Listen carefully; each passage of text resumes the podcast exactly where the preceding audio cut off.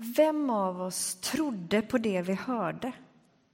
För vem var Herrens makt uppenbar? Som en späd planta växte han upp inför oss som ett rotskott ur torr mark. Han hade inget ståtligt yttre som drog våra blickar till sig inget utseende som tilltalade oss. Han var föraktad och övergiven av alla en plågad man, van vid sjukdom en som man vänder sig bort ifrån. Han var föraktad, utan värde i våra ögon. Men det var våra sjukdomar han bar. Våra plågor han led när vi trodde att han blev straffad, slagen av Gud och förnedrad. Han blev pinad för våra brott och sargad för våra synder. Han tuktades för att vi skulle helas. Hans sår gav oss bot. Vi gick alla vilse som får. Var och en tog sin egen väg. Men Herren lät vår skuld drabba honom. Han fann sig i lidandet. Han öppnade inte sin mun. Han var som lammet som leds till slakt eller tackan som är tyst när hon klipps. Han öppnade inte sin mun. Han blev fängslad och dömd och fördes bort. Men vem ägnade hans öde en tanke? Han blev utestängd från de levandes land straffad för sitt folks brott. Han fick sin grav bland de gudlösa, fick vila bland ogärningsmän fastän han aldrig hade gjort något orätt, aldrig tagit en lögn i sin mun. Men Herren tog sig an den han sargat botade den som gjort sig till ett skuldoffer. Han ska få ättlingar och ett långt liv och Herrens vilja ska förverkligas genom honom. När hans elände är över ska han se ljuset och bli mättad av insikt. Min tjänare, den rättfärdige, ger rättfärdighet åt många och bär deras skuld. Jag ska ge honom hans andel bland de stora låta honom dela byte med de mäktiga för att han var beredd att dö och blev räknad som syndare när han bar de mångas skuld och bad för syndarna.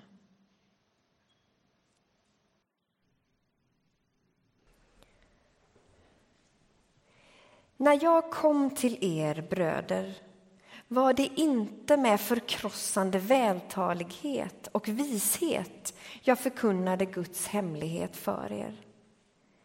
Det enda jag ville veta av när jag var hos er, det var Jesus Kristus, den korsfäste Kristus.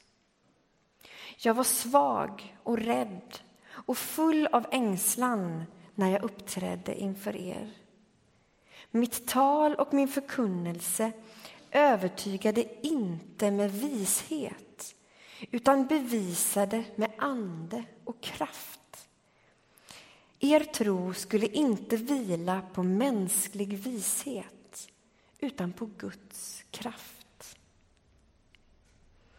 Vishet förkunnar vi för de andligt fullvuxna men inte en vishet som hör till denna världen eller denna världens förgängliga makter. Vad vi förkunnar är Guds hemlighetsfulla vishet som var fördold men som redan före tidens början av Gud var bestämd att leda oss till härlighet. Den kände ingen av denna världens makter till om de hade känt till den skulle de inte ha korsfäst härlighetens Herre. Vi förkunnar, som det står i skriften, vad inget öga sett och inget öra hört och ingen människa anat det som Gud har berett åt dem som älskar honom. Och för oss har Gud uppenbarat det genom Anden. Ty det är Anden som utforskar allt, också djupen hos Gud.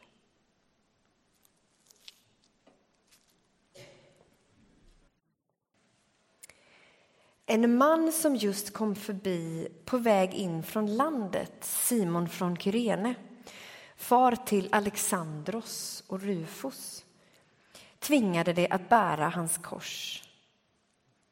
De förde Jesus till det ställe som kallas Golgata. Det betyder skallen. Där gav de honom vin med myrra, men han tog inte emot det. De korsfäste honom och de delade hans kläder mellan sig genom att kasta lott om dem.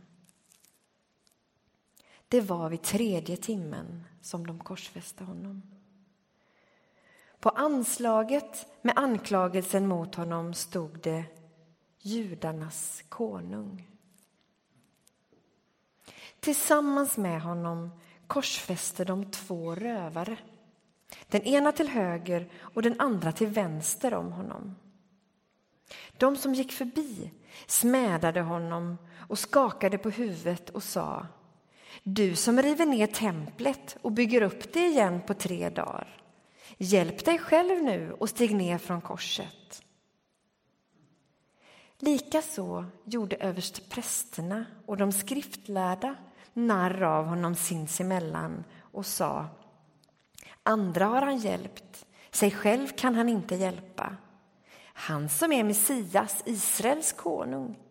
Nu får han stiga ner från korset så att vi kan se det och tro på honom. Också de som var korsfästa tillsammans med honom skymfade honom.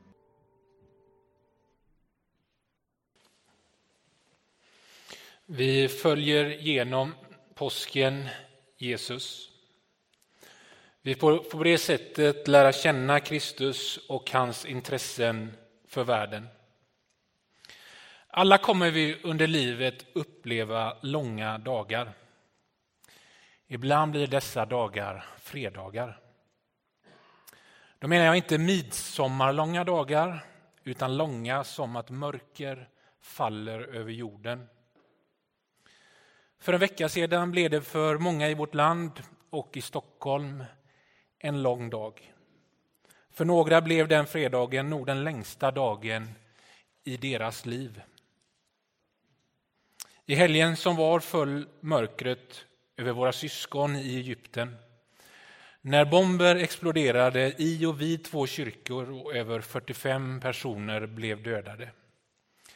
Det blev en lång söndag för församlingarna i Tanta och Alexandria. Dagarna blir långa då terrorns makter låter sitt mörker falla över jorden. Men även ångest, sjukdom och ensamhet kan göra att vissa dagar känns längre än andra. Fastän vi vet att timmarna, minuterna och sekunderna de är detsamma. Händelser gör så att timmarna känns längre och minuterna smärtsammare. När vi idag läser bibeltexterna, när vi hör dem, så berättar de för oss att Gud vet vad en lång dag är. Långfredagens evangelium berättar att Gud vet vad det innebär att mörkrets makter faller över jorden och hur det då känns. Så innan vi springer iväg till påskdagens evangelium stannar vi upp där vi helst inte vill stanna. Där korset inte är tomt utan där den lidande tjänaren lider. Något som också kan symbolisera våra långa dagar. Dagar vi gärna hade sluppit, men som är en del av livet och att följa Kristus. Världen är mer än vad vi ser. Det finns krafter som påverkar världen så att den blir som den blir. Krafter som vi inte ser men som vi märker effekterna av. I påskens drama blir dessa krafter synliga.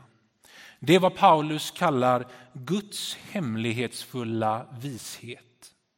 Och i det centrala i denna vishet är inga tecken, ingen mänsklig vishet utan att Kristus har blivit korsfäst. Denna vishet har varit fördold men var redan från tidens början bestämd av Gud. Men det här kände inte världens makter till. För om de visste det så hade de inte korsfäst med Paulus ord härlighetens Herre. I Jesus gör Gud det oväntade. Det oväntade för världens makter när han hanterar sin makt genom att gå tjänandets väg. För världens makter så är det motsatsen till makt. De vill härska, men Gud älskar och vill bli älskad. Skärtorsdagens gudstjänst här i Saron slutade med att vi lyssnade till Jesus sista ord i ett semane. Stig upp, låt oss gå. Här kommer han som skall förråda mig. När Jesus fängslas, när han förhörs och döms, så vet han, hans tid är kommen.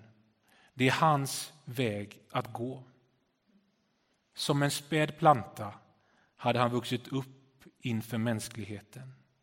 Nu visste Jesus att han skulle bli föraktad, övergiven. Han skulle bli en plågad man och utan värde i många människors ögon.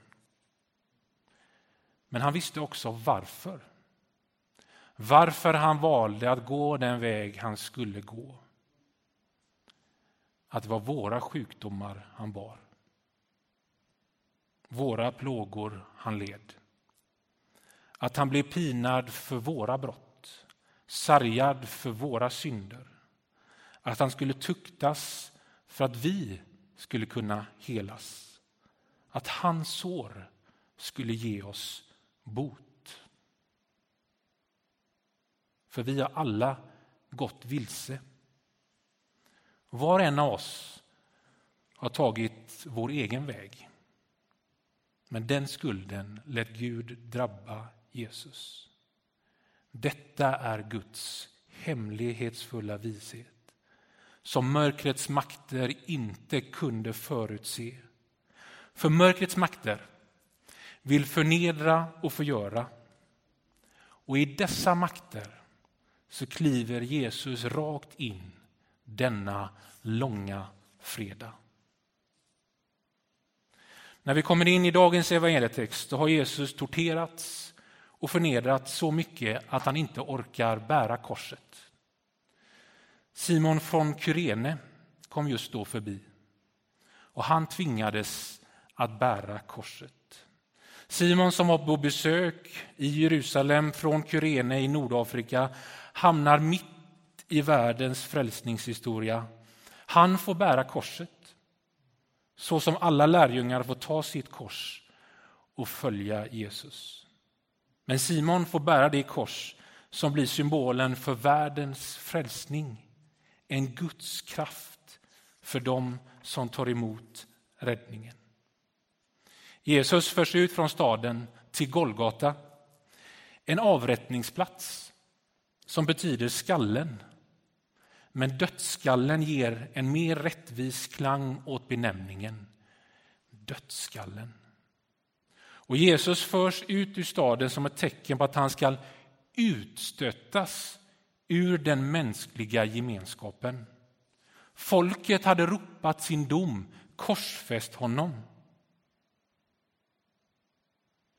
Men de visste nog inte vad de gjorde.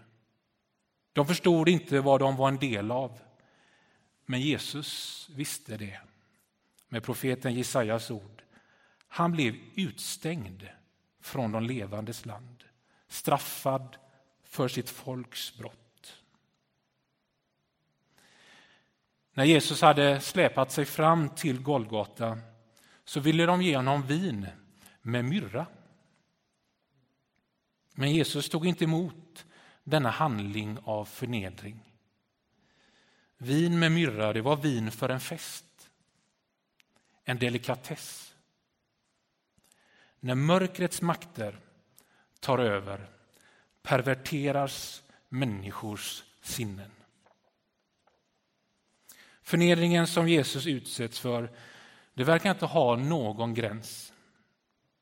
De klär av honom, delar upp hans kläder genom att kasta lott om dem. Han som hade uppväckt döda, drivit ut demoner, gjort människor friska från alla slags krämpor. Nu tar de ifrån honom hans kläder på grund av grupptryckets tyranni som vill förtrycka den som är annorlunda. Det förnedrar den som gång på gång visat att han är Guds son. Nu får soldaterna sin chans att utnyttja sin makt och smäda judarnas konung. Jesus vet vad förnedring är. Jesus vet vad utsatthet och utanförskap är. Gud är en Gud som vet vad dessa krafter innebär och hur dessa känns. Och eftersom Gud är kärlek så känner han med oss när vi är i samma situation. Vid tredje timmen så korsfäst Jesus. Korset som Simon från Kyrene hade burit en bit hade nu rests och på korset hänger Jesus. Detta fruktansvärda avrättningsredskap blir altaret där Guds lamm leds till slakt. Och på plakatet vid korset hade de skrivit skälet till dödsstraffet, judarnas konung. Golgata som låg utanför staden och många rörde sig från och till staden och de som gick förbi de hånade Jesus, skakade på huvudet och sade Du som river ner templet och bygger upp det igen på tre dagar, hjälp dig själv nu och stig ner från korset. Mörkrets makter är ofta ute efter snabba lösningar, förenklade synsätt och att rädda sig själv. Men Jesus, den rättfärdige, öppnade inte sin mun för han ger rättfärdighet åt många och bär deras skuld. Det får vara dem, för dem som där och då hånade honom som han befann sig på den första dagen, den långa första dagen av tre för att riva ner templets betydelse och bygga upp det igen i sin egen kropp. Jesus hade redan hjälpt många. Han hade inte kommit för att hjälpa sig själv utan att förrädda de andra. Och denna Guds hemlighetsfulla vishet det kunde inte översteprästerna och inte de skriftlärda se. Och vem kan klandra dem? Då inte ens mörka krafter förstod vart det var på väg. Då en späd planta hade vuxit upp. Lärjungarna hade bråkat om att få sitta bredvid Jesus till höger och vänster i hans härlighet. Jesus hade då lärt dem att i Guds rike är den som vill vara stor den andres tjänare och den som vill vara den förste skall vara den andres slav. Nu när Jesus till det yttersta går tjänandets väg och gav sitt liv till lösen för många så hade han på höger och vänster sida två förbrytare. Två rövare. Dessa två livsberättelser är just två berättelser om två människor. Men det är också en symbol för hela mänskligheten. Där vi alla är en del av världens synd. Och trots sitt eget straff och sin egen skuld och sin egen utsatthet så kränker dessa rövare Jesus. Men Jesus dömer dem inte. Och Jesus dömer inte heller oss. De skriftlärda tyckte att Jesus skulle bevisa för dem att han var Guds son genom att kliva ner från korset. Jesus han valde en annan väg. Vid sjätte timmen så faller ett mörker över hela jorden och det varar till den nionde timmen. Vid den timmen så ropar Jesus. Hans sista ord, inga visdomsord, ingen lovsång, utan hans sista ord är som en smärtans man, en plågad man. Det är ett ångestrop. Min Gud, min Gud, varför har du övergivit mig? Mörkrets makter visar inte nåd och barmhärtighet. Så inte ens vid ångestens rop efter Gud så tystnar smädelsens röster vid Jesu fötter, utan de fortsätter. Men då hörs ett högt rop och kanske då äntligen blir det tyst kring denna plågade man. För med ett högt rop slutar Jesus att andas. Templet, det rivs inte. Men templets betydelse rivs. Förhänget som skilde människan från det allra heligaste brast i två delar. Jesus håller på att göra templets betydelse av intet och bygga upp det igen på tre dagar. Översteprästen hade en gång under en gång under året under högtiden Jom Kippur fått gå in i det allra heligaste som en representant för folket och offrat för folket och världens synd. Nu brast det som skilde folket från det allra heligaste. Nu behövs det inte offras mer. Offret för hela världens synd är gjord av den lidande tjänaren Jesus och gemenskap med den Helige är öppen för alla. När officeren som sett hur Jesus lidit ser på vilket sätt Jesus ger upp andan så säger han den mannen måste ha varit Guds son.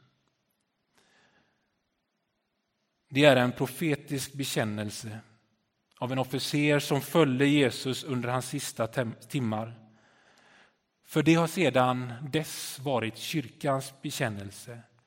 Jesus är Guds son. Och vi har bett Jesus Kristus, Guds son, förbarma dig över oss. Vi ber det för att vi tror att Jesus vill just förbarma sig över oss. Att Jesus vill visa barmhärtighet och nåd. Att Jesus vill förlåta oss för att han älskar oss. Och just det vittnar korset om. Och idag så är det inte ett tomt kors utan vår Herre och Frälsare hänger på korset för vår och världens skull. Till sist då läser vi om idag ett antal kvinnor de flesta som var runt Jesus hade övergivit honom. De som tidigare följt honom gömde sig i rädsla. Kanske drabbades de av mörkrets hysteri. Men några lämnade inte Jesus i själens dunkla natt. Några kvinnor stod en bit bort. De hade följt honom och tjänat honom och de stod kvar vid honom. När Jesus var beredd att dö och när han blev räknad som syndare bar de och bar de många skuld och bad för syndare, så stod de nära. Låt oss som kvinnorna, stå kvar vid Jesus.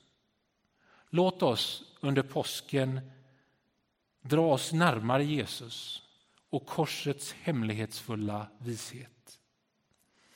Även om vi inte förstår helt och fullt varför, så låt talet om korset inte bli en dårskap, utan en kraft som räddar oss. Vi får genom tron gensvara på Guds frälsning i Jesus Kristus. Så till sist. De långa dagarna, de kommer. Stunder då vi ropar min Gud, min Gud, varför har du övergivit mig?